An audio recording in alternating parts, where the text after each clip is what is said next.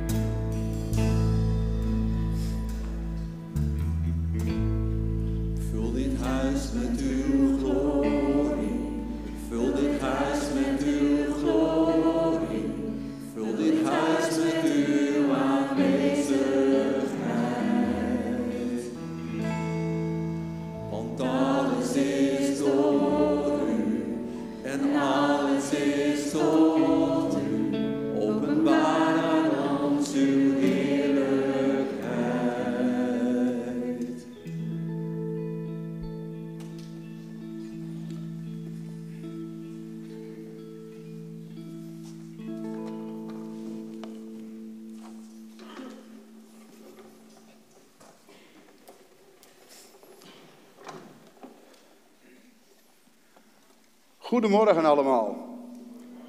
Iedereen hier in de zaal en iedereen die met ons meekijkt, maak groot onze God. Wat een heerlijkheid om dat zo samen met elkaar te zingen. Maar niet alleen met elkaar, maar ook voor elkaar. Ja, en in het bijzonder natuurlijk uiteraard voor Hem, die wij groot maken. Maak groot onze God. We komen hier natuurlijk samen in de naam van die God, van de Vader, van de Zoon, van de Heilige Geest. In Zijn naam zijn wij hier samen. En in die naam mogen wij Hem groot maken. Vanmorgen gaat voor Christian van Dijk. Christian, hartelijk welkom. En het onderwerp wat er, het thema wat er staat, onbeschaamd bidden maak groot. En het gaat uit Lucas 11, de versen 1 tot en met 13. Podium, daar hebben we zometeen een sketch van de jeugd, 16 plus. Ja, ik weet ook niet precies wat het inhoudt, maar dat zullen we zo meteen met elkaar zien. De kinderdienst, daar staat van, vanmorgen blijft groep 5 in de dienst.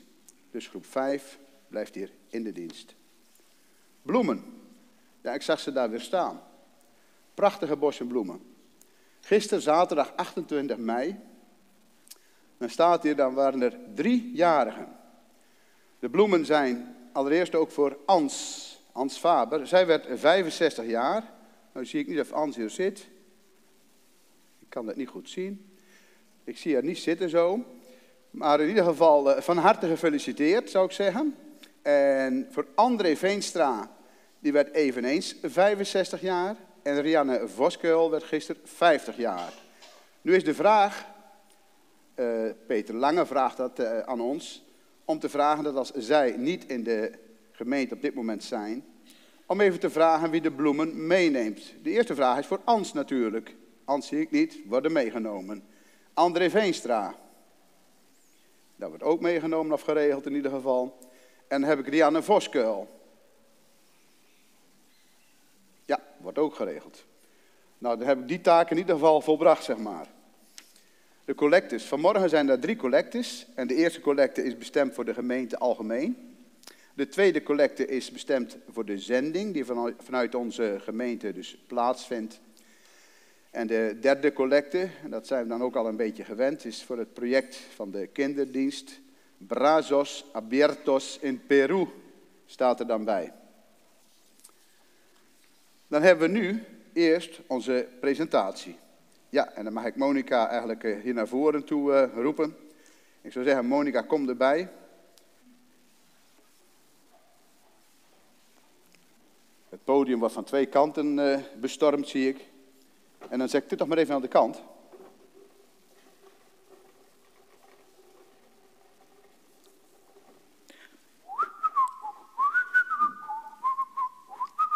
hey, Moon. Hey, jij ook hier? Dat is leuk jou hier te zien. Ja, joh. Nou, ik was aan het werk in de tuin. En ja, dat is zo bijzonder. Wij mogen zaaien, maar God doet groeien. Absoluut. werkelijk waar. Moet je kijken wat ik gevonden heb daar. Ik, ik moest zo denken aan wat we in 1 Petrus 2 kunnen lezen over de levende stenen. Waarin staat dat Ah, hè, de ongelovige, de, de, eh, Jezus die de hoeksteen is, die de ongelovigen verwerpen die. Maar voor ons is hij de meest bijzondere. En nou ja, natuurlijk, daarvoor heb ik de Bijbel. En één momentje hoor, want die stenen zijn niet zomaar stenen, Moon. Nee, dat geloof ik. Wauw. Anren, dat is de hoeksteen, of niet? Precies, We kunnen niet bouwen zonder de hoeksteen. zo is dat. Hé, hey, kijk, maar die eerste steen, waar doet jou die aan denken? Deze doet me denken aan Peter. Peter, die altijd zo zich inzet en zo gestructureerd is. Wauw, wat mooi zeg. Die zetten we erbij. Dit is een beste steen, joh. Dit, dit, moet denken aan Koert. Nou, inderdaad. Groot en altijd enthousiast. Hartstikke mooi. We zijn erg blij met hem, hè? Zeker. Ja, echt top. Maar, ehm Monica, Hmm. jij mag er ook wezen, hoor. Ja, dat is waar. Maar weet je, Arenda, ehm, ik zet me er wel bij, maar ik ga me bezighouden met het kind jeugdpastoraat. Dus ik zal er niet meer zoveel zijn als jeugdleider. Ik weet het, maar jij bent tot zegen voor vele mensen, Monica. Dank je. hey, en ehm, dit, dit is een steen, joh. Dit, dit is iemand die eh, van avontuur houdt. Waar doet jou die aan denken? Johan. Die doet me aan Johan denken. Maar ja, weet je, hij heeft net weer een kleintje erbij. En ja, je moet je best wel heel veel inzetten in het gezin, hè? Dus kan ook niet altijd aanwezig zijn. Dat is wel een gemis, hè? Nee, maar we zetten hem er wel bij, want hij heeft ook meegebouwd. Absoluut. En eh, Oh, wauw. die is mooi, hè? Ja, dat doet me gelijk denken aan Lianne. Lianne die is echt goud waard. Echt waar. Maar ook met hun gezinnetje, ja, weet je, dat vergt veel tijd. En helaas kunnen ze zich gewoon niet meer inzetten. Hè, dat is wel heel jammer inderdaad. Maar we zetten haar er toch nog even bij hoor. Hé. Nou, een kleine steen. Nou, Arden, die doet me gewoon aan jou denken hoor. Ik bedoel, kom op zeg, de tuinpak aan en altijd aan het werk in de tuin. Maar altijd super enthousiast voor de jeugd. Echt waar, helemaal top. Kijk eens, Arden. Maar ehm, weet je, nu hebben we een mooi muurtje gebouwd, Monica. Yeah. Maar eh, ik hoor in jouw eh, verhaal al dat eh, een aantal van deze stenen niet meer zich zoveel kunnen inzetten voor de 16-plus. hè? Ja, dat klopt. Ik, die moeten we er maar even uit weghalen. Ja.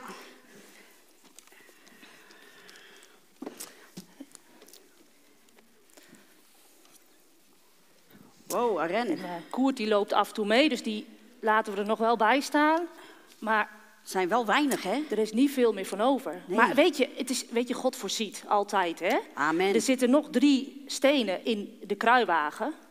En eh, die mogen symbool staan voor de drie pijlers waar wij ons op richten bij de 16-plus. allereerst natuurlijk eh, dat we bouwen op Gods woord. Absoluut. En daarnaast dat wij het belangrijk vinden om relatie te hebben met de jeugd. Dat, je, dat we echt verbinding leggen. En dat we beschikbaar willen zijn. Dus, eh, en moet je nou eens kijken, joh. Hoeveel meer mensen daar blij van worden gemaakt. Nou, ten eerste de 16 plus. Hey, en natuurlijk de Heer, hè?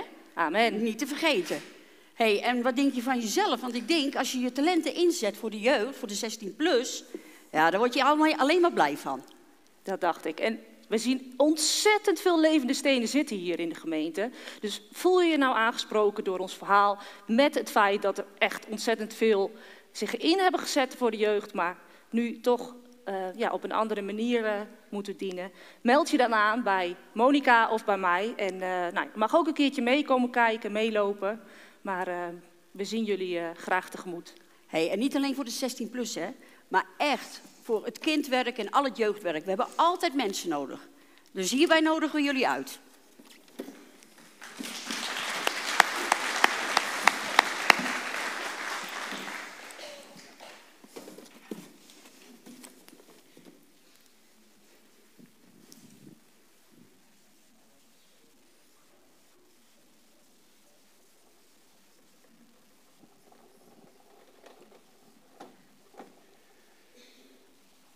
En Arenda, heel hartelijk bedankt. Ja, Monica belde mij gisteren en zegt ze van, "Eh, ik heb een vraagje. Ik zei, nou ja, stel hem. Ik bedoel, ik mag de opening doen en eh, misschien kan ik je helpen. Toen zegt ze, ja, eh, we hebben een kruiwagen, zou die op dat podium mogen? Ik zei, nou, theologisch gezien is dat volgens mij geen probleem. Ik zei, dus wat dat betreft moet je die kruiwagen gewoon neer kunnen zetten. Maar nu ik het verhaal dus hoor, van die levende stenen, ja, dan is dat nogal wat. En ze hebben het verteld. Denk erover na. En ga ermee aan de slag. Maar nogmaals, bedankt dames. En ik wil met jullie ook een eh, klein stukje lezen. En dat heb ik uit Matthäus Evangelie. Matthäus 24. En ook nog een heel klein stukje erachter. En dan spreekt de Heer Jezus met de discipelen. En dan staat er, toen hij op de olijfberg zat, gingen de discipelen naar hem toe. Toen zij alleen waren. En ze zeiden, zeg ons, wanneer zullen deze dingen gebeuren? En wat is het teken van uw komst en van de voleinding van de wereld? En Jezus antwoordde en zei tegen hen, pas op dat niemand u misleidt. Want velen zullen komen onder mijn naam en zeggen, ik ben de Christus. En zullen naar velen misleiden. U zult horen van oorlogen en geruchten van oorlogen. Pas op, word niet verschrikt, want al die dingen die moeten gebeuren. Maar nog is het einde niet. Want het ene volk zal tegen het andere volk opstaan. Het ene koninkrijk tegen het andere koninkrijk. En, er staat er nog wat. Er zullen hongersnoden zijn. Besmettelijke ziekten. Aardbevingen in verschillende plaatsen. Ik heb er zelf nog wat naast gezet. Stond er niet bij. Het klimaat dat verandert. Moet je eens kijken wat er op het ogenblik aan de hand is. En dan sla ik ietsje verder. En dan lees ik het allerlaatste stukje van het Matthäus-evangelie. En toen ze hem zagen, de discipelen dus, aanbaden zij hem. Maar, staat erbij, sommigen twijfelden. Hoe zit dat nu? En Jezus kwam naar hen toe, hij sprak met hen en hij zei, mij is gegeven alle macht in hemel en op aarde. En dan komt de opdracht. Ga dan heen onderwijs al de volken, hen dopend in de naam van de Vader, van de Zoon, van de Heilige Geest, hun lerend alles wat ik u geboden heb in acht te nemen. En dan komt er een belofte. En zie, ik ben met u al de dagen tot de voleinding van de wereld. Amen, staat erachter. Maar eigenlijk, nu ik net die kruiwagen zag, en ik wist eigenlijk niet wat ze van plan waren met die kruiwagen natuurlijk. Dan staat hier, ga dan heen. Onderwijst al de volken.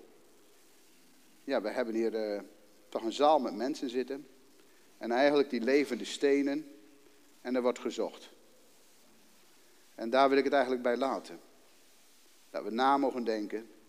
Bent u, ben jij iemand die zich daarvoor in wil zetten? Kom dan. Samen willen we ook een zegen vragen. Een zegen over het woord dat bediend wordt. Een zegen over zo bij elkaar te zijn. En ik wil jullie ook voorgaan in gebed. En aan de ene kant zijn er natuurlijk de mensen die bijzonder ook uh, ja, dat gebed nodig hebben. Als we denken aan Alice, Albert, Thea. En zo zijn er velen, veel meer. Of dankbaarheid vanwege die verjaardagen natuurlijk, uiteraard. Maar toch wil ik ook eigenlijk de aandacht schenken aan datgene wat we om ons heen zien gebeuren. De wereld die zijn zorg kent. En ik wil jullie voorgaan in gebed. Vader in de hemel, we danken u dat we samen hier met elkaar mogen zijn. We danken u dat we in die naam van de Vader, de Zoon en de Heilige Geest bij elkaar kunnen zijn. In vrijheid. Wat een zegen. Wat een voorrecht. Wat geeft u ons rijke zegen. Maar daarmee geeft u ook verantwoordelijkheid. En vader, we hebben het net gezegd, er zijn mensen in deze gemeente die ook voorbeden nodig hebben. Dat we ook hen, ook in ons persoonlijk gebed, niet vergeten. En we dragen ze aan u op. En er zijn mensen die ook heel dankbaar, heel mooie dingen meemaken. Daar zijn we dankbaar voor.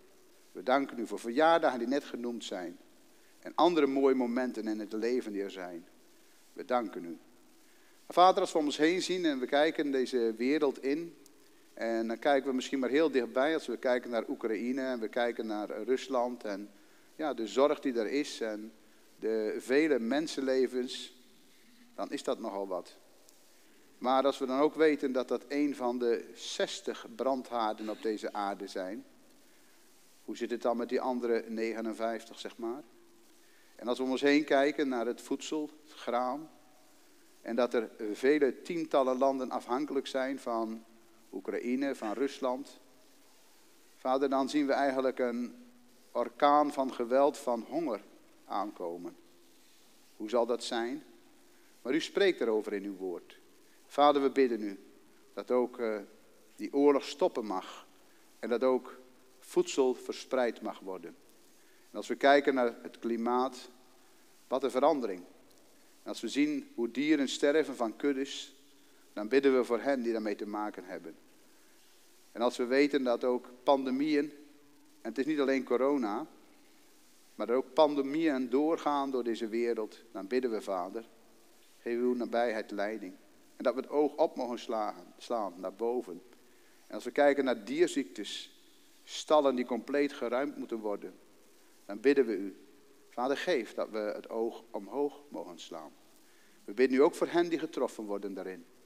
Wees hen nabij. En dat we ook als gemeente biddend deze mensen steun geven. En dat bidden we u. Vader, laat het zo mogen zijn dat als al deze dingen geschieden, we weten mogen dat de komst van de Heer Jezus nabij is. En dan bidden we met z'n allen eigenlijk, kom, Heer Jezus.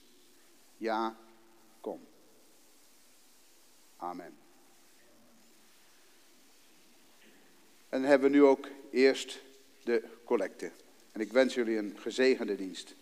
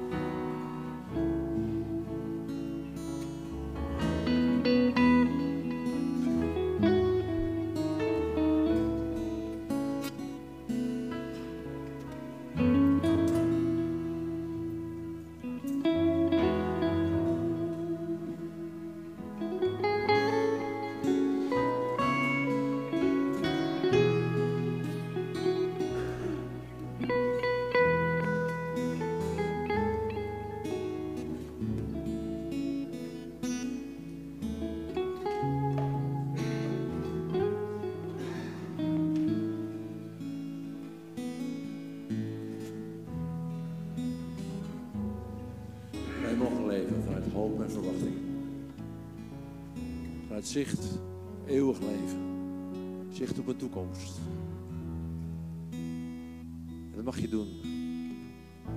Als je de Heer Jezus herkent als jouw heiland, als jouw verlosser.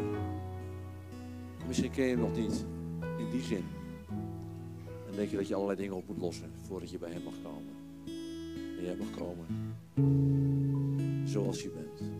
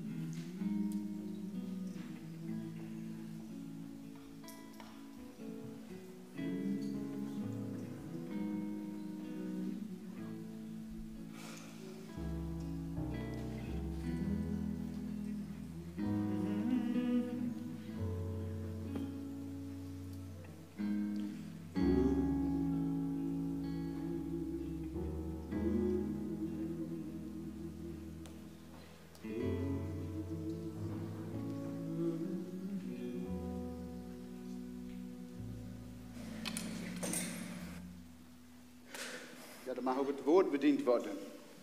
En ik zeg net eh, tegen Christian, ik ga met je mee, want we vinden het toch wel een bijzondere en een goede gewoonte om voor elkaar te bidden. En om de leiding van de Heilige Geest te vragen. En dat geldt natuurlijk niet alleen voor Christian, dat geldt ook voor de gemeente. Dat het hart geopend mag worden. Christian, mag ik voor je bidden. Vader in de hemel, we danken u dat Christian hier vanmorgen mag zijn. En we bidden u, vul hem met die zegen waar we het net over hadden. Vul hem met de Heilige Geest. En geef dat hij dat woord brengen mag, dat hij overdacht heeft. Maar geef ook, Vader, dat we als gemeente dat mogen horen, verstaan, maar dan niet opbergen, daarmee aan het werk gaan. Christian, zo zegen ik jou. In de naam van de Vader en de Zoon en de Heilige Geest. Wees een zegen. Amen.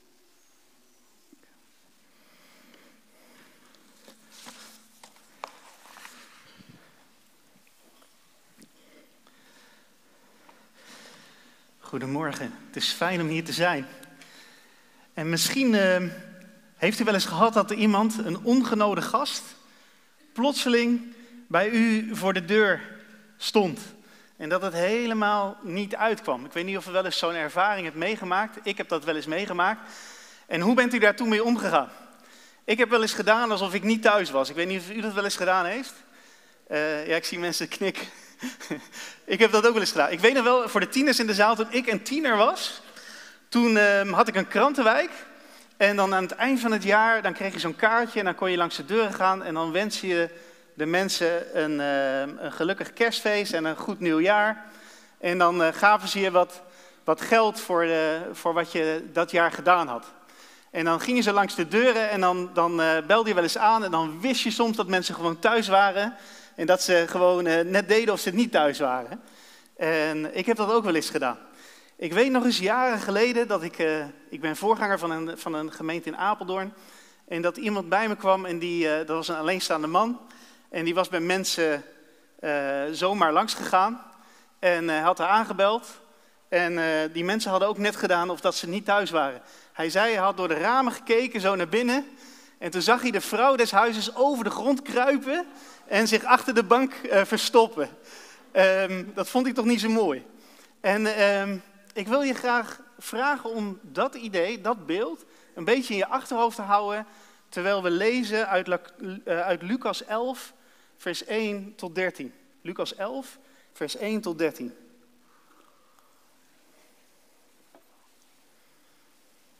En daar staat, eens was Jezus aan het bidden.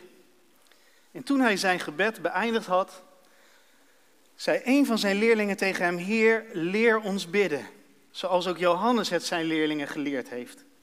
Hij zei tegen hen, wanneer jullie bidden, zeg dan, Vader, laat uw naam geheiligd worden en laat uw koninkrijk komen. Geef ons dagelijks het brood dat we nodig hebben. Vergeef ons onze zonden, want ook wij zelf vergeven iedereen die ons iets schuldig is. En breng ons niet in beproeving. Daarna zei hij tegen hen, stel dat iemand van jullie een vriend heeft en midden in de nacht naar hem toe gaat en tegen hem zegt: Wil je mij drie broden lenen? Want een vriend van me is na een lange of na een reis bij me gekomen en ik heb niets om hem voor te zetten. En veronderstel nu eens dat die vriend dan zegt: Val me niet lastig. De deur is al gesloten en mijn kinderen en ik zijn al naar bed. Ik kan niet opstaan om je te geven wat je vraagt. Ik zeg jullie, als hij al niet opstaat en het hem geeft omdat ze vrienden zijn, dan zal hij wel opstaan omdat zijn vriend onbeschaamd aandringt en hem alles geven wat hij nodig heeft. Daarom zeg ik jullie, vraag en er zal je gegeven worden. Zoek en je zult vinden. Klop en er zal voor je worden opengedaan. Want ieder die vraagt ontvangt en wie zoekt vindt en wie klopt zal worden opengedaan. Welke vader onder jullie zou zijn kind als het om een vis vraagt, in plaats van een vis een slang geven? Of een schorpioen als het om een ei vraagt? Als jullie dus, slecht als jullie zijn, je kinderen al goede gaven kunnen schenken, hoeveel te meer zal de Vader in de hemel dan niet de Heilige, Heilige Geest geven aan wie hem daarom vragen? Ik wil met jullie nog ietsje verder gaan in Lucas en dan gaan naar Lucas 18. Want dit is niet de eerste keer dat Jezus een soortgelijk verhaal vertelt. Hij, hij, hij um, vertelt nog zo'n soort verhaal, maar dan in Lucas 18, vers 1 tot 8. Daar staat dat Jezus zegt, hij, en dat is Jezus, vertelde hun een gelijkenis over de noodzaak om altijd te bidden en niet op te geven. Er was dus een rechter in een stad die voor God geen ontzag had en zich van de mensen niets aantrok. Er woonde ook een weduwe in die stad, die steeds weer naar hem toe ging met het verzoek: Doe mij recht in het geschil met mijn tegenstander. Maar lange tijd wilde hij dat niet doen. Ten slotte zei hij bij zichzelf: Ook al heb ik voor God geen ontzag en trek ik me van de mensen niets aan, toch zal ik die weduwe recht verschaffen, omdat ze me last bezorgt. Anders blijft ze eindeloos bij me komen en vliegt ze me nog aan. Toen zei de Heer, luister naar wat deze rechter zegt. Al minacht hij ook het recht, zal God niet zeker recht verschaffen aan zijn uitverkorenen, die dag en nacht tot hem roepen. Hij hoort hen immers geduldig aan. Ik zeg jullie dat hij hun spoedig recht zal verschaffen, maar als de mensenzoon komt, zal hij dan geloof vinden op aarde. Tot zover. Als je kijkt in het evangelie van Lucas, dan zie je dat Lucas zijn evangelie eigenlijk in twee hele grote stukken onderverdeelt. Als je kijkt van Lucas 1 tot Lucas 9, vers 51, dan spreekt Lucas eigenlijk over Jezus' bediening in Galilea. En Galilea, dat is de, het noorden van Israël.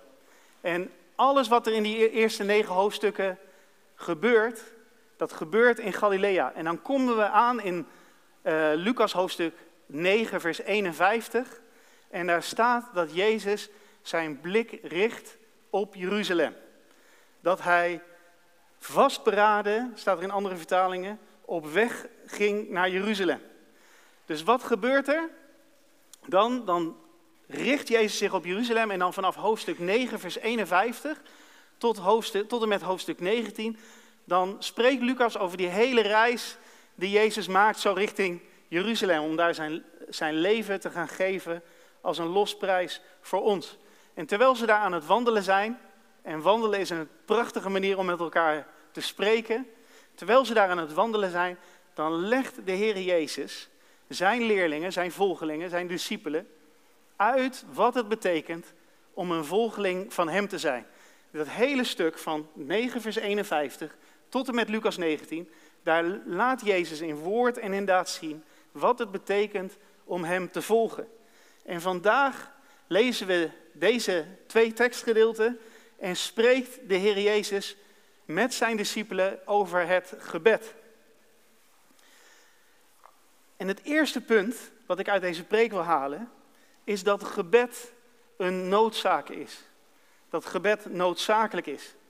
Stel je voor dat je een leerling, een discipel van de Heer Jezus zou zijn in de tijd dat Jezus nog hier op aarde was. En stel dat je zo'n tijd met elkaar opgetrokken bent en op een gegeven moment dan ben je met de Heer Jezus alleen en dan heb je kans om Hem iets te vragen. Wat zou jij Hem dan vragen? En wat de leerlingen de Heer Jezus hier op dit moment vragen, is best wel een beetje verbazingwekkend. Want als je erover nadenkt, dat zij in die hele tijd in Galilea bij de Heer Jezus zijn geweest, dat ze gezien hebben hoe Hij mensen genas, dat ze gezien hebben hoe Hij de macht had om demonen uit te drijven, hoe Hij op zijn naam of op zijn, zijn stem, dat de natuur hem zelfs gehoorzaamde, dat hij in die boot gaat staan en zegt, zwijg, wees stil, daar midden op het meer van Galilea. En dat in één keer zo'n zo'n zo'n meer tot bedaren komt. Als je al die uh, discussies hoort die hij met de mensen had, hoe hij ze uh, met wijsheid te woord stond. Als je dan Jezus daarna, nadat je dat allemaal gezien hebt, maar één ding zou mogen vragen, dan is het toch best wel een beetje raar dat deze leerlingen bij hem komen en zeggen, Heer, leer ons bidden. Ze vragen niet, Heer, leer ons demonen uitdrijven. Ze vragen niet, Heer, leer ons toch uh, gebedsgenezing. Heer, leer ons toch om, uh, uh, om theologisch goede antwoorden te geven. Dat soort dingen vragen zij de Heer Jezus niet, maar zij vragen hem, Heer, leer ons bidden. Best wel een beetje apart, hè? Maar als je daar wat dieper over nadenkt, dan denk ik, het is eigenlijk helemaal niet zo raar. Want wat hebben die leerlingen gezien in de tijd dat ze met Jezus optrokken in Galilea? Wat ze hebben gezien is waar de bron van Jezus leven lag. Vanuit welke bron hij dit allemaal deed. Ze waren doordrongen geraakt van het feit dat er in het gebedsleven, dat daar de Heer Jezus zijn kracht uitputte. Weet u, de Heer Jezus, leert Lucas ons, de Heer Jezus was een man van gebed toen hij hier op aarde was. Als we kijken bijvoorbeeld in Lucas 3, vers 21 tot 22, dan zien we al dat Jezus gelijk nadat hij gedoopt is, dat hij in gebed is en dat hij de Heilige Geest ontvangt. Daar staat, toen ook Jezus was gedoopt en hij aan het bidden was, werd de hemel geopend en daalde de Heilige Geest in de gedaante van een duif op hem neer. Dus gelijk na zijn dood, Jezus is aan het bidden en hij wordt vervuld met de Heilige Geest. De, de, de Geest daalt op hem neer. Als hij op een gegeven moment voor moeilijke keuzes staat, lezen we in Lucas, dat hij tijd doorneemt in gebed. Als hij moet kiezen wie van al die volgelingen zijn twaalf discipelen mogen zijn, dan lezen we in Lucas 6, vers 12 tot 13. Op een van die dagen trok Jezus zich terug op de berg om tot God te bidden. En hij bracht de hele nacht door in gebed. Toen de dag aanbrak, riep hij zijn leerlingen bij zich en koos twaalf van hen uit, die hij apostelen noemde. Hier zien we dat Jezus bidt voor belangrijke beslissingen in zijn leven. En dan denk je, op een gegeven moment dan wordt de Heer Jezus populair en dan beginnen steeds meer mensen hem te volgen. Dan wordt het druk, dan worden er uh, beroepen op hem gedaan en dan denk je, nou dan zou het gebed wel afnemen. Maar we zien juist dat het gebed niet afneemt, maar dat het gebed juist toeneemt. Als we in Lucas 5, vers 15 en 16 lezen, dan staat er maar het nieuws over hem verspreidde zich juist verder en grote mensenmassa's verzamelden zich om naar hem te luisteren en zich van hun ziekte te laten genezen. Nou, hartstikke druk. En wat staat er dan in vers 16? Hij zelf trok zich geregeld terug op eenzame plaatsen om er te bidden. Dus wat doet Jezus terwijl hij zo ontzettend druk was? Hij trekt zich geregeld terug op eenzame plaatsen om daar te bidden.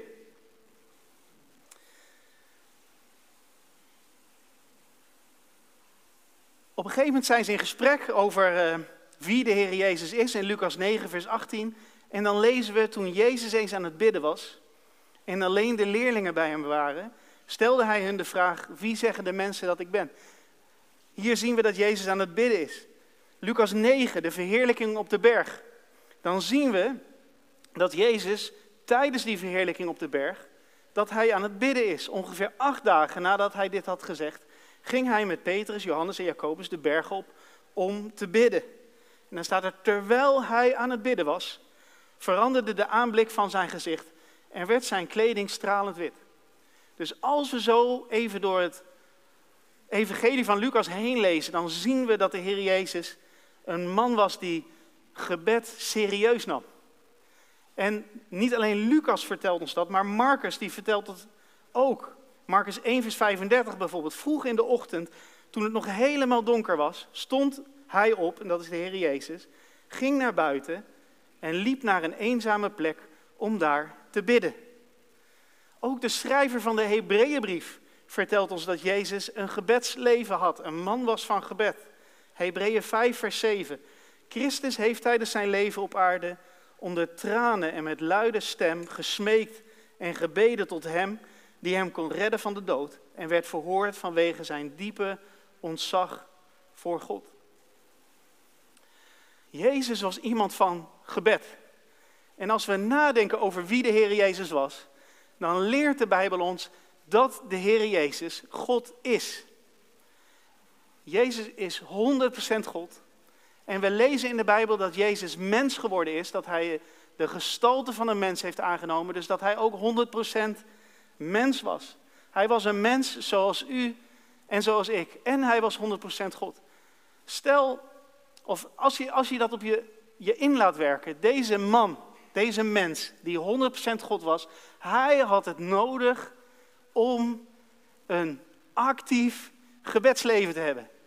Als deze mens, die 100% God was, is, als deze mens het nodig heeft om te bidden, zouden u en ik het dan ook niet nodig hebben om te bidden. Het grootste argument om een gebedsleven te hebben, is dat de Heer Jezus een gebedsleven had. Als Hij een gebedsleven had, hoeveel te meer hebben wij dan niet een gebedsleven nodig? Die discipelen die zien Jezus bidden en die spreken Hem aan en die zeggen tegen Hem, leer ons bidden. Leer ons nou bidden zoals U, zoals U bidt. En dan noemen ze Johannes, Johannes de Doper. Blijkbaar had Johannes de Doper, stond hij ook bekend als een man van gebed. Had hij ook een gebedsleven. En leerde hij zijn leerlingen hoe ze moesten bidden. En zij zeggen, leer ons nou bidden zoals Johannes de Doper ook zijn leerlingen leerde bidden. En als je daarover nadenkt, zo Johannes de Doper, iemand die vanaf zijn geboorte vervuld was met de Heilige Geest. Iemand die uitgekozen was om een wegbereider voor de Heer Jezus Christus te zijn. Iemand die een profeet was, iemand die uiteindelijk een martelaar geworden is voor uh, de Heer Jezus Christus. Als zo iemand een gebedsleven had, nogmaals, waarom zouden wij dan geen gebedsleven hebben? Wij moeten een gebedsleven hebben. Als je door de Bijbel heen leest, je leest over al die mensen, al die mensen waar de Hebreeën schrijver over, over spreekt, die ons voor zijn gegaan, die, die, die, die wolk van getuigen. Als we, als we lezen over deze mensen, dan zien we dat deze mensen een levend gebedsleven hadden. Als je kijkt naar Abraham, wat doet hij als hij ergens naartoe kwam? Als hij zijn tent opzette, dan zette hij zijn tent op en naast zijn tent of dicht bij het kamp, dan, had hij, dan bouwde hij een altaar om daar de Heer te aanbidden. Als we kijken naar Jozua, dan ging hij samen met Mozes die, die, die ontmoetingstent binnen en dan bleef hij daar als Mozes weer wegging. Hanna, zij smeekte om een kind van God. Ze, ze bad tot God. Samuel, die een man van, van God was, hij bad. Zeker toen Israël uh, een koning wilde. Hij nam tijd om bij God te zijn. David. En we, als we, we hoeven maar in de psalmen te kijken, dan zien we uh, dat deze man een gebedsleven had. Wat een prachtige liederen, wat een prachtige gebeden, die we nog steeds uh, vandaag de dag ja, mogen lezen en waarvan we mogen, mogen leren wat het is om een gebedsleven te hebben. Hiskia, hij bad om genezing. Nehemia, hij deed een schietgebedje toen koning Arta, uh, moeilijke naam, Artaxerxes, op het punt, uh, of toen, uh, koning, toen hij naar koning Artaxerxes ging, om te vragen of hij Jeruzalem mocht gaan herbouwen. Denk aan Elisa en Elia, die zelfs door hun gebed doden opwekken. Als al deze mensen een actief gebedsleven hadden, waarom zouden wij dan geen actief gebedsleven hebben? Is dit niet waar Jezus over spreekt in Johannes 15? Als hij zegt dat we verbonden moeten zijn met de wijnstok. Is, het dan, is dan niet gebed, het gebedsleven een, graadmeter van hoe we verbonden zijn met de wijnstok?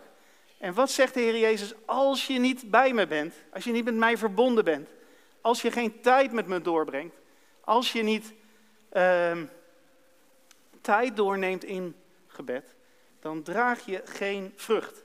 Dan kan je geen vrucht dragen, want zonder mij kan je niets doen. En dat is wat die leerlingen, die discipelen hadden geleerd in het leven van Jezus in Galilea. Want Jezus die leefde dit voor. Hij was verbonden met de Vader, want hij wist dat zonder de Vader hij niets kon doen.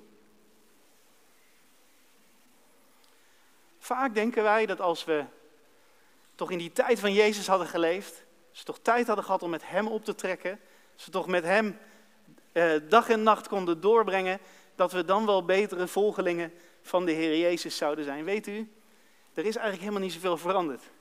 Want de Heer Jezus die nodigt ons uit dat we bij Hem mogen zijn. Ik bedoel, de, de, de, de, het voorhangsel is gescheurd. Wij kunnen overal en altijd kunnen wij Hem ontmoeten. Kunnen wij met Hem spreken? Kunnen wij met Hem omgaan? Kunnen wij bij Hem binnengaan? En toch doen we het zo weinig. Bidden we zo weinig. Misschien zit je hier wel en denk je van ja, ik zou dat meer moeten doen. Maar ik vind dat lastig. Ik weet eigenlijk niet zo goed hoe dat moet. Hoe moet ik nou op een goede manier bidden? Nou is Jezus onderwijs altijd heel erg praktisch.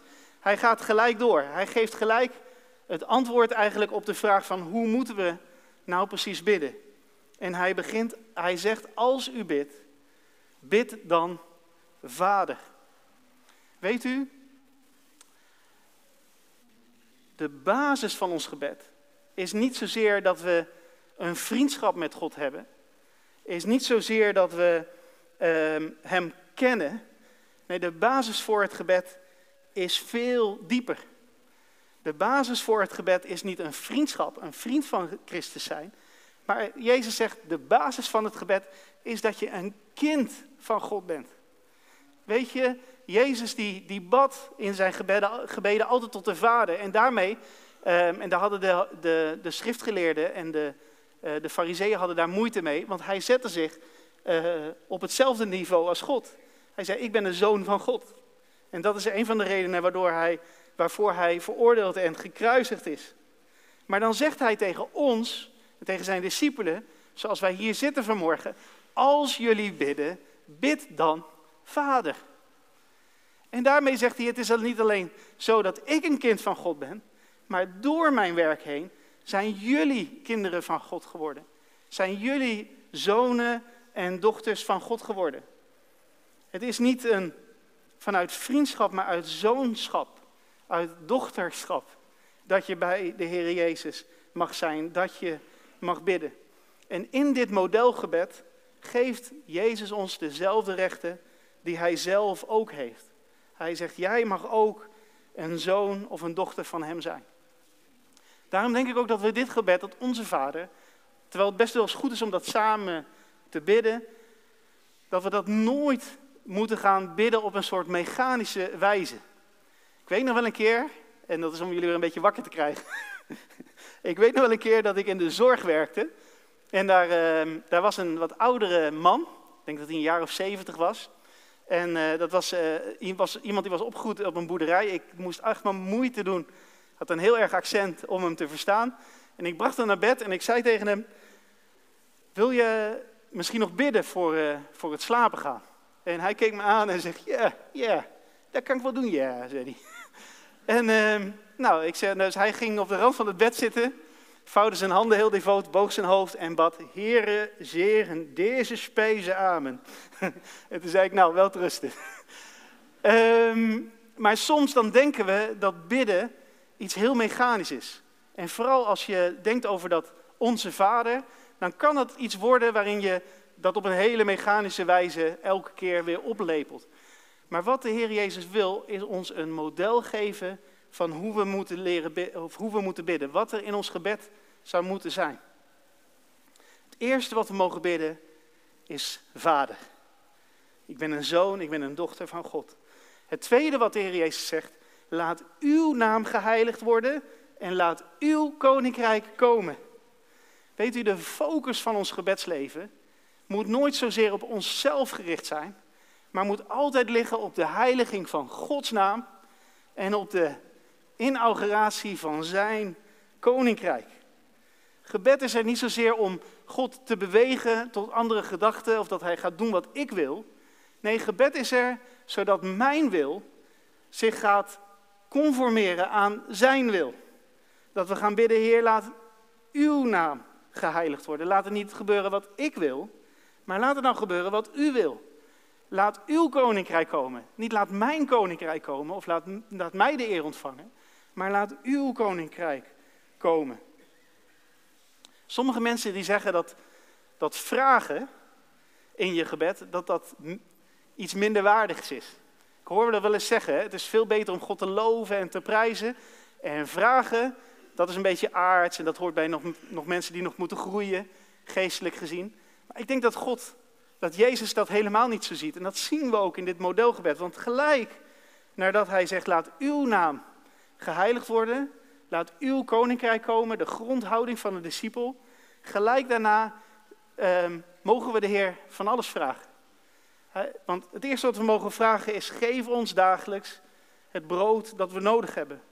Weet u, de Heer Jezus weet dat we kleingelovigen zijn. Hij weet dat we mensen zijn die, uh, die ons zorgen maken over van alles. En het is helemaal niet erg om je zorgen en je noden bij God te brengen. Gewoon je dagelijks brood, dingen die je nodig hebt. Breng het bij God. Geef ons heden ons dagelijks brood. En het volgende wat we mogen vragen is vergeef ons onze zonden, want ook wij zelf vergeven iedereen die ons iets schuldig is.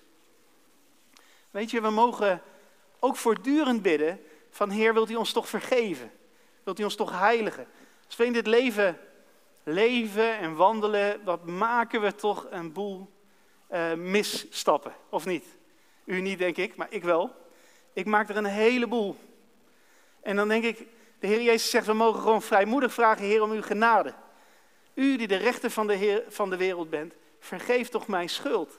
Zoals ik ook, dat is, de, dat is wat Jezus eraan vast plakt, zoals ik ook die mensen vergeef die mij wat schuldig zijn. Heer, ik doe een beroep op uw genade. Heer, en, en ik wil ook leren om daarin genadig te zijn naar de mensen om ons heen. En tot slot zegt de Heer Jezus, breng ons niet in beproeving. Bedoel, we leven in deze wereld. We leven niet op neutraal terrein, niet op neutraal gebied. Er wordt van allerlei kanten wordt er aan ons getrokken, worden we in de verleiding gebracht. En hij zegt, je mag ook rustig vragen, Heer, breng ons niet in beproeving. Heer, bescherm ons. We mogen God vragen om bescherming. En dan punt drie. dan, dan zegt de Heer Jezus, en dat moet je aanhoudend doen. Dat moet je niet eens een keer doen, maar dat mag je dagelijks doen. Dat mag je aanhoudend doen. En hij gebruikt daarvoor een verhaal. En we hebben twee van deze verhalen gelezen. We hebben aan de ene kant hebben gelezen over die slapende vriend. En we hebben ook gelezen over die onrechtvaardige rechter. En in het eerste verhaal van die slapende vriend, dan krijgt een vriend bezoek. En dat bezoek komt nogal ongelegen. We hadden het net over ongelegen bezoek. Maar dit bezoek komt in het midden van de nacht. En de, de, de armen die in bezit waren van een huis, die hadden vaak maar één, die hadden een huis met één ruimte. Waarin ze aten, waarin ze leefden, waarin ze met elkaar sliepen. En in dat ene huis met één deur, op de midden in de nacht, terwijl iedereen ligt te slapen, je vrouw, je kinderen, iedereen is, is er lekker, ligt al lekker te slapen, wordt er op de deur gebonst. Ik heb een brood nodig. Een vriend, ik heb een brood nodig. Het is laat, iedereen slaapt. Iedereen hoort dat gebonk, iedereen wordt wakker. Een ongenode gast. En dan zegt de Heer Jezus, zelfs als deze vriend niet bereid is om hem uh, dat brood te geven, dan zal hij het hem toch geven, omdat zijn vriend zo onbeschaamd blijft kloppen. Weet je wat ik zo mooi vind? Als je deze verhalen naast elkaar legt, dan zie je dat Jezus dit verhaal niet zomaar gebruikt. Hij zegt ons eerst dat we mogen bidden voor ons dagelijks brood. En vervolgens vertelt hij ons een verhaal van iemand die vraagt om brood. Iemand die op de deur bonst en zegt: Ik heb brood nodig. En hij zegt: Zelfs als deze vriend, die al ligt te slapen met zijn gezin, het niet zou willen geven, dan uiteindelijk geeft hij het omdat hij niet beschaamd wil staan. Hoe moet je dat nou zien? Weet je, in een Oosterse setting is het allerbelangrijkste dat je gastvrij bent. Dat is een ontzettend belangrijk iets. En als je een vriend hebt die jou om iets vraagt en daar buiten op de deur staat te kloppen en je, je laat hem in de kou staan, dan zullen al je buren en iedereen om je heen, die zal schande spreken over hoe jij met je vriend bent omgegaan. En hij, de heer Jezus zegt ook al zou hij het niet willen, dan doet hij het omdat hij niet beschaamd zou willen staan. En dan het tweede verhaal. Het tweede verhaal gaat hier over die onrechtvaardige rechter. En ik vind het zo mooi, want die vrouw die komt bij die onrechtvaardige rechter en die zegt, doe mij recht. Wilt u mij recht doen? En dat slaat ook weer terug op onze vader. Want waar deze vrouw bij een onrechtvaardige rechter komt, komen wij in het gebed bij een rechtvaardige rechter en wij vragen hetzelfde, vergeef ons onze schulden. Zoals ook wij vergeven die onschuldig zijn. En deze aardse rechter, die wil deze vrouw geen recht doen. Die wil haar geen recht verschaffen. Maar omdat die vrouw zo blijft aandringen, omdat, omdat zij steeds weer bij die rechter komt, omdat zij onbeschaamd blijft vragen, daarom geeft deze onrechtvaardige rechter haar uiteindelijk haar recht. Weet u, in beide verhalen prijst Jezus deze mensen om hun onbeschaamdheid.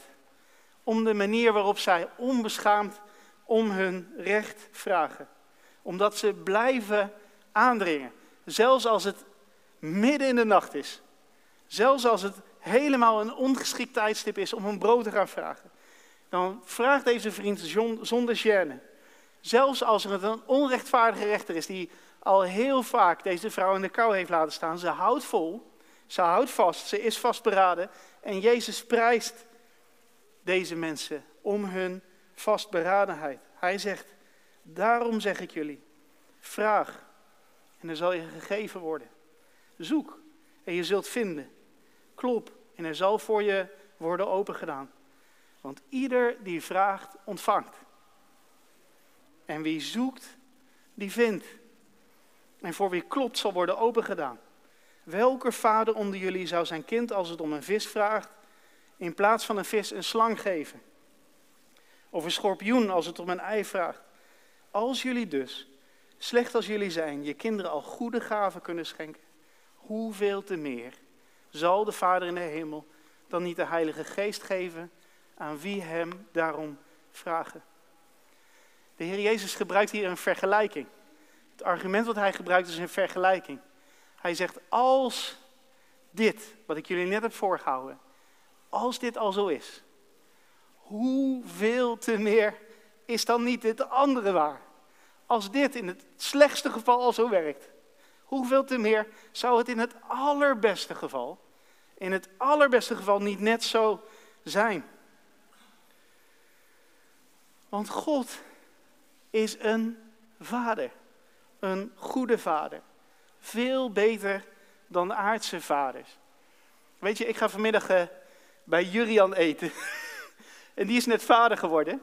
En ik weet dat als zijn dochter en zijn zoontje bij hem komen, zijn zoontje kan hem niet zoveel vragen, maar als ze hem iets vragen en het is goed, dat Jurian het zeker aan hen zou geven.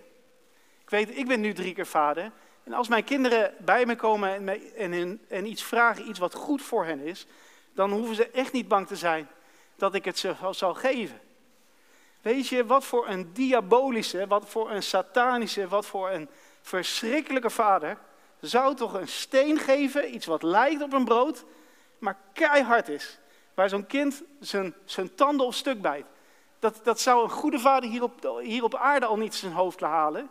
Hoe zou, hoeveel te meer zou God dan, als we om een brood vragen, wat we mogen doen, in het Onze Vader, geef ons heden ons dagelijks brood. Hoeveel te meer zou dan onze Vader, onze Hemelse Vader, ons niet brood geven als we hem daarom vragen?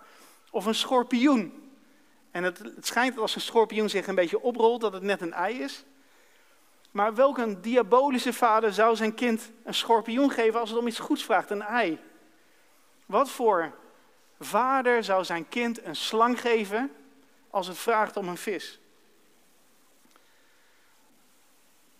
Als je denkt over die vriend, die vriend die lekker ligt te slapen en eigenlijk uh, zijn, zijn, zijn, zijn vriend niet dat brood wil geven. En we denken aan de Heere God.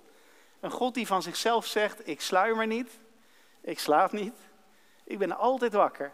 Hoeveel te meer mogen we dan niet bij God aanklopen? Zelfs in het midden van de nacht. Als we denken over die rechter, die onrechtvaardige rechter, en we denken dan aan God, die de rechter van deze wereld is. Als God recht, ehm, als deze onrechtvaardige rechter geen recht wil verschaffen uh, aan iemand die, die het recht uh, aan zijn zijde heeft staan, die het verdient. Hoeveel te meer zou dan niet God, die de rechter van hemel en aarde is, ons niet vergeven als wij gerechtvaardigd zijn door zijn zoon, de Heer Jezus Christus. Weet je wat eigenlijk de boodschap is van dit verhaal? Is dat God veel bereidwilliger is om jou wat te geven, dan dat jij bereidwillig bent om hem iets te vragen. God die, die we hebben dat vanmorgen gezongen, come as you are. God is een uitnodigend God. Hij staat daar en hij, hij staat in die tempel en hij roept, als jullie dorst hebben, kom dan met mij en drink. Hij zegt hier, kom nou bij me, bid nou, neem nou tijd om bij mij te zijn. Johannes 15, blijf nou in mij, want zonder mij kan je niks doen. God is bereidwillig om ons uh, te zegenen, om ons uh, om te luisteren naar ons gebed en ook dat gebed te beantwoorden. Dat is het probleem niet. Waar ligt het probleem? Bij onze onbereidwilligheid om Hem te vragen. Om tijd met Hem door te brengen. Om dicht bij Hem te zijn. Christus spoort ons aan, ook vanmorgen, om te vragen en niet op te geven. Hij prijst deze mensen om hun onbeschaamd bidden. Om hun onbeschaamd vragen.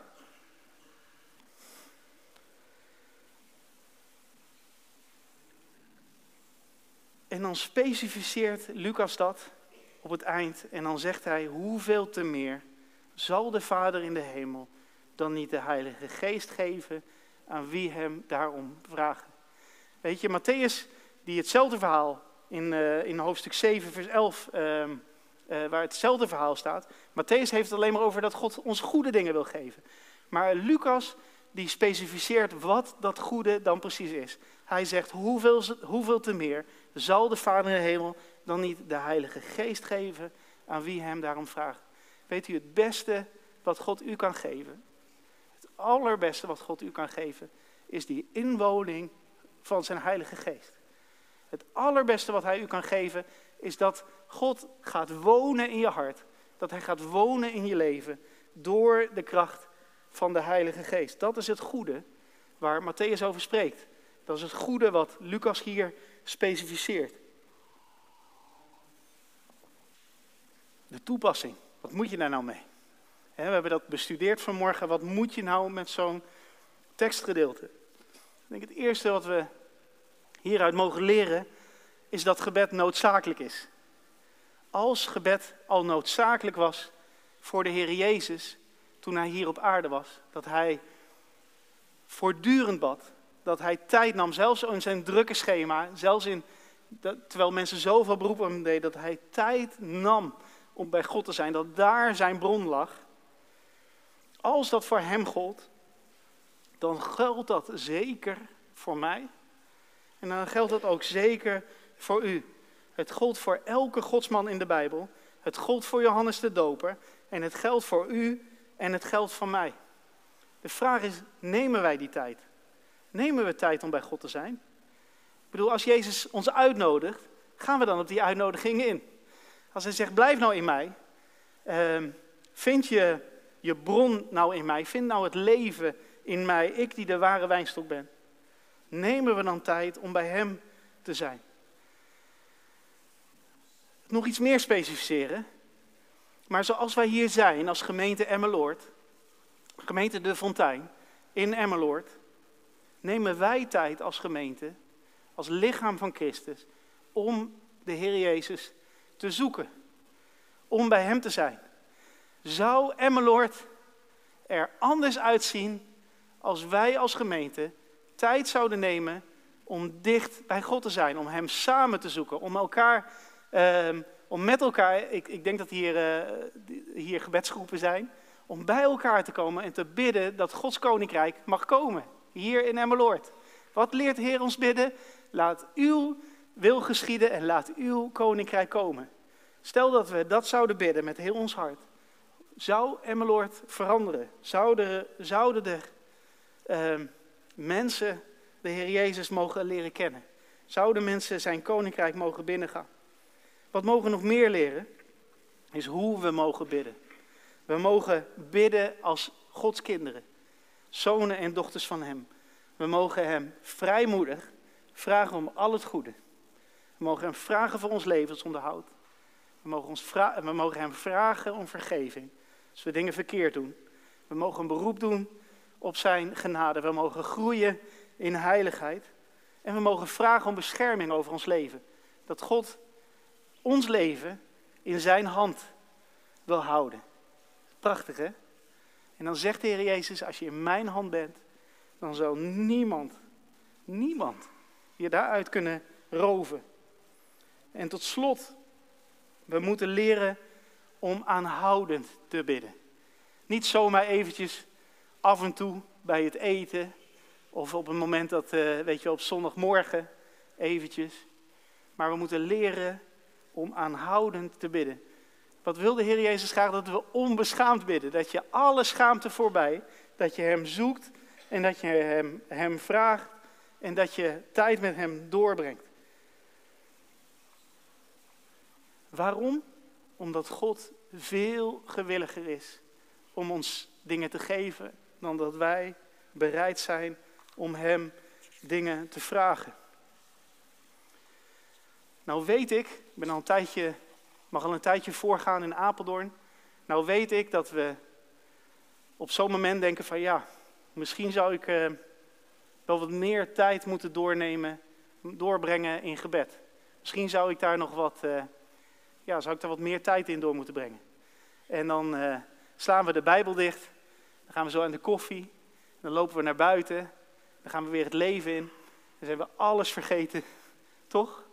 Wat we vanmorgen hebben gehoord dan zijn al onze goede voornemens die we nu misschien in ons hart maken, die zijn we vergeten.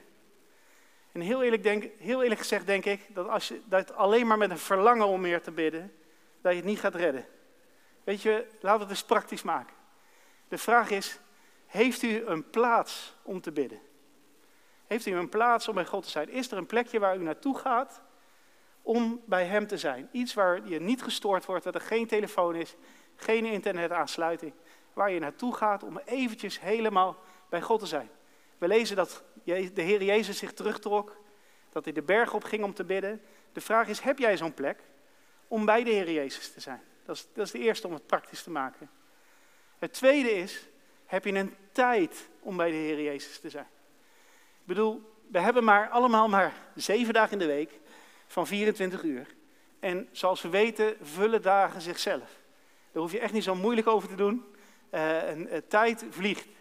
En uh, de vraag is, heb jij een tijd om bij de Heer Jezus te zijn? Is er een moment van de dag die jij geblokt hebt in je agenda om bij de Heer Jezus te zijn? Heb je een plaats? Heb je een tijd? En als laatste, heb je een doel?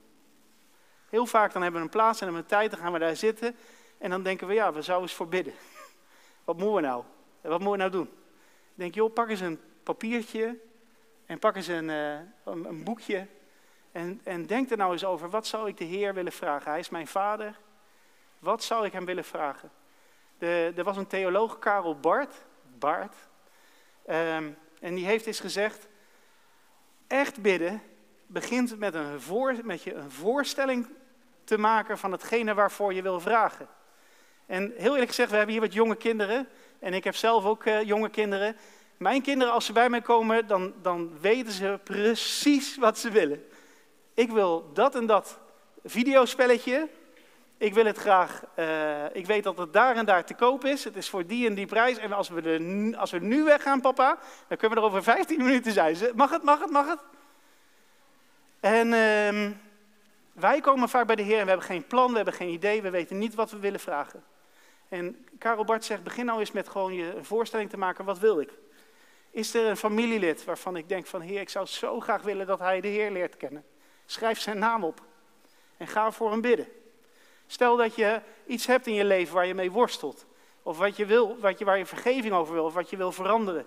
Schrijf het op en ga, er, ga ervoor bidden. Heb je een plaats? Heb je een tijd? En heb je een doel? Zullen we één minuutje nemen om heel even onze ogen te sluiten, ons hoofd te buigen en gewoon eens na te denken over, heb ik dat? Heb ik een plaats? Heb ik een tijd? Heb ik een doel? En zal ik dan daarna afsluiten met gebed?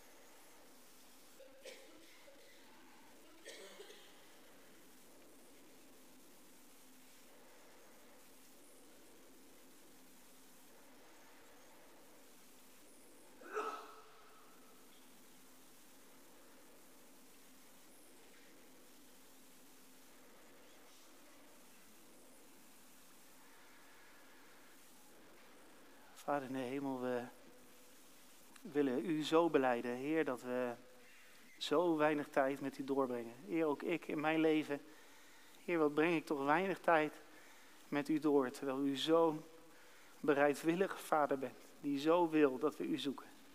Vader, wilt u ons vergeven, Heer, voor onze gebedsloosheid. Heer, wilt u ons uh, leren, Heer, zoals de discipelen ook vroegen, leer ons bidden. Wilt u ons leren bidden? Heer, wilt u uh, door uw Heilige Geest uh, dat uitwerken in ons hart? Dat bidden we zo in Jezus' naam. Amen. Misschien uh, heb je tijdens het luisteren naar Gods woord, heb je over dingen nagedacht en denk je van, ja, ik zou dat wel anders willen. Ik zou wel meer tijd met God willen doorbrengen, maar er zijn gewoon dingen in mijn leven die me daarvan weerhouden, die me tegenhouden, die, ehm, die moeilijk zijn. Dan hebben we in deze gemeente het luisterend oor. En het luisterend oor zal uh, na de dienst ook hier aanwezig zijn. Dus ze zullen hier staan, daar kan je mee praten. Ze hebben ook van die badges. Uh, uh, dus schiet ze aan als je iemand ziet met een badge van het luisterend oor en je wil daarover praten of je zegt, ik zou daar wel over willen bidden met iemand. Ehm, voel je vrij. En als dat eh, nog te, te confronterend is, er is ook hier bij de, bij de ingang ehm, is er een een, een, een, een, doos waar je je gebedsvragen ook in kan doen, zodat er, zodat er echt voor jou ook specifiek gebeden wordt.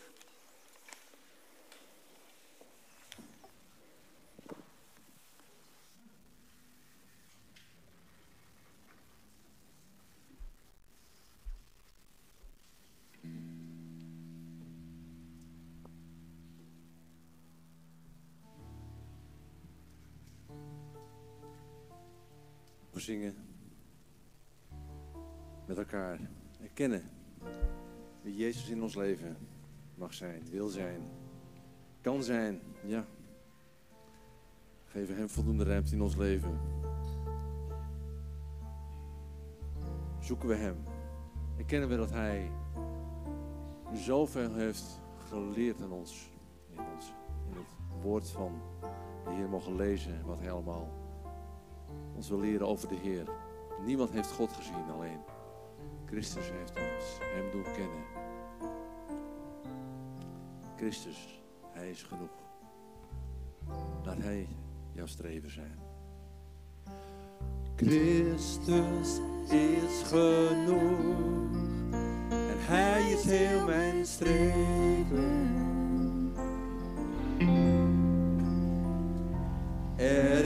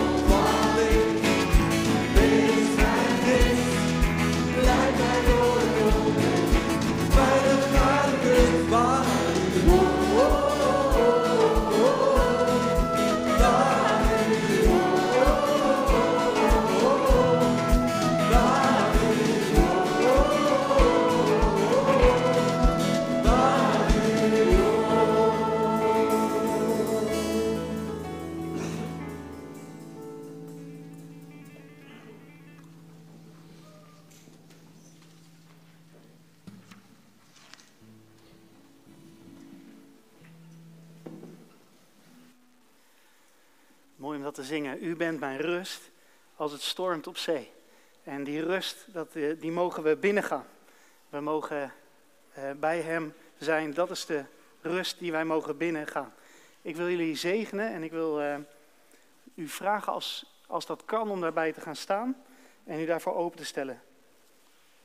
Gemeente, mogen God, die ons hoop geeft, u in het geloof geheel en al vervullen met vreugde en vrede.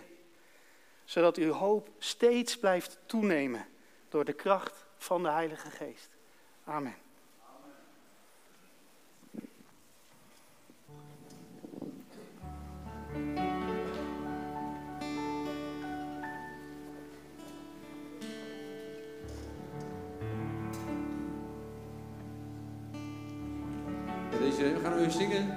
Ja, ja, ja, ja. Had deze rij uitgezocht, hè? Heel mooi lied voor ons allemaal, hè? God is good all the time. He put a song of praise in this heart of mine. Hoop dat u ooit ook kunt zeggen dat die God die goed is voor u. God is good all the time. Through the darkest night, His light will shine. God is good. God is good.